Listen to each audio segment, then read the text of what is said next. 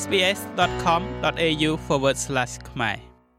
រដ្ឋ New South Wales ត្រូវកំណត់ថានឹងក្លាយជារដ្ឋដំបូងគេក្នុងប្រទេសដែលបើកឡើងវិញសម្រាប់ប្រជាជនទាំងមូលរបស់ខ្លួនរដ្ឋដែលមានប្រជាជនជាង10លាននាក់នៅសប្តាហ៍នេះនឹងស្វាគមន៍អ្នកដែលមិនបានចាក់វ៉ាក់សាំងចេញពីការបិទគប់ដែលជាវិធានការដែលអាចបង្កឲ្យមានការព្រួយបារម្ភសម្រាប់សមាជិកដែលងាយរងគ្រោះនៃសហគមន៍ ខណៈដែលប្រទេសផ្សេងទៀតកំពុងប្រឈមមុខនឹងជំងឺរាតត្បាតនៅក្នុងខែកញ្ញាឆ្នាំមុន Mark Tibrok ត្រូវបានគេធ្វើរោគវិនិច្ឆ័យថាមានជំងឺមហារីកខួរក្បាលការធ្វើរោគវិនិច្ឆ័យដែលភរិយាឈ្មោះនីលង្កានិយាយថាវាគឺជារឿងដែលភ្ញាក់ផ្អើលបំផុតក្នុងជីវិត Yeah just life or death like like not covid គ្រាន់តែរស់ឬស្លាប់វាមិនតាក់ទងទៅនឹងជំងឺ Covid ទេប៉ុន្តែគ្រាន់តែជាការរស់រានមានជីវិតពីជំងឺមហារីកយើងពិតជាចង់យកវាចេញពីកូនប្រុសរបស់យើង គាត់ទៅតែអាយុ5ឆ្នាំប៉ុណ្ណោះដូច្នេះហើយនេះគឺជារឿងសំខាន់បំផុតដែលយើងគិតជារៀងរាល់ថ្ងៃមួយឆ្នាំក្រោយមកម៉ាកត្រូវបានធូរស្បើយប៉ុន្តែគាត់និងប្រពន្ធរបស់គាត់នីលង្កាព្រួយបារម្ភថាការបើកឡើងវិញយ៉ាងឆាប់រហ័សអាចប៉ះពាល់ដល់សុខភាពរបស់គាត់ម្ដងទៀត Yeah I'm surprised that they're still ខ្ញុំមានអារម្មណ៍ភ្ញាក់ផ្អើលដែលពួកគេនៅតែប្រកាន់យកវិធីដូចបច្ចុប្បន្ននៃការបើកឡើងវិញដោយមេរោគអូមីក្រុង បានមកដល់ទីនោះតែហាក់ដូចជាមិនមានការផ្លាស់ប្ដូរផែនការណាមួយទេប៉ុន្តែក្នុងពេលជាមួយគ្នានេះខ្ញុំយល់ថាអ្នកមិនអាចជាប់គាំងដោយគ្មានកំណត់នោះទេ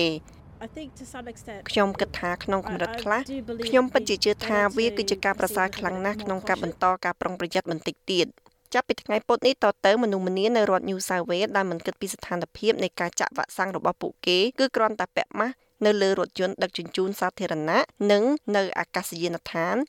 ឬនៅលើយន្តហោះប៉ុណ្ណោះហើយការធ្វើដំណើរទៅកាន់តំបន់នានា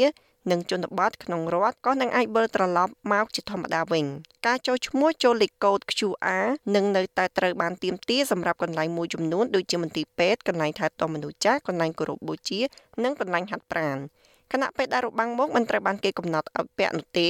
ប៉ុន្តែពួកគេត្រូវបានលើកទឹកចិត្តយ៉ាងខ្លាំងនៅក្នុងការកំណត់ដែលមិនអាចឃ្លាតឆ្ងាយពីសង្គមបាន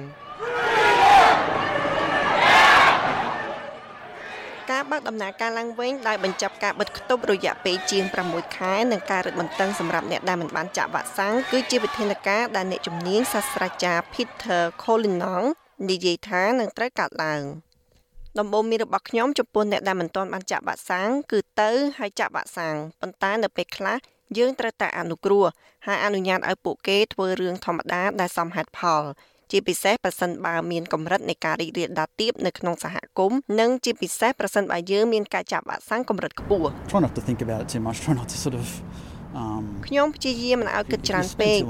បើអ្នកគិតយូរពេកនោះនឹងធ្វើឲ្យខ្លួនឯងឈួតការណែនាំពីអាជ្ញាធរសុខាភិបាលចំពោះអ្នកដែលព្រួយបារម្ភអំពីការបើកឡើងវិញគឺប្រសិនបើអ្នកមិនទាន់បានចាក់ហើយមានសិទ្ធិចាក់សូមទៅទទួលការចាក់ដូសជំរុញរបស់អ្នក អាជ្ញាធរសុខាភិបាល New South Wales បានប្រាប់សារព័ត៌មាន SBS ថានៅក្នុងដំណាក់កាលនៃជំងឺរាតត្បាតនេះទំនួលខុសត្រូវគឺស្ថិតនៅលើបុគ្គលម្នាក់ម្នាក់ក្នុងការរក្សាសុវត្ថិភាពគ្នាទៅវិញទៅមកជាពិសេសជនដែលងាយរងគ្រោះបំផុតរបស់យើងសាស្ត្រាចារ្យ Colin Nong និយាយថាមធ្យោបាយដ៏ល្អបំផុតដើម្បីកាត់បន្ថយហានិភ័យ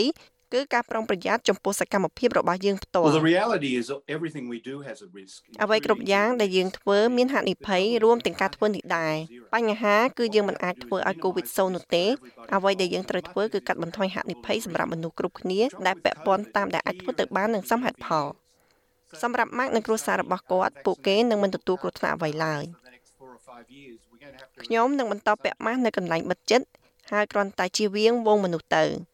ជំហានប្រុងប្រយ័ត្នមួយចំពោះទៅរក COVID ធម្មតាជាមួយនឹងប្រទេសផ្សេងទៀតដែលកំពុងកលេចមើលមកចាររបាយការណ៍នេះចងក្រងដោយ Masilia Aili សម្រាប់សារព័ត៌មាន SBS ហើយប្រែសម្រួលសម្រាប់ SBS ខ្មែរដោយនាងខ្ញុំឡៅដានេ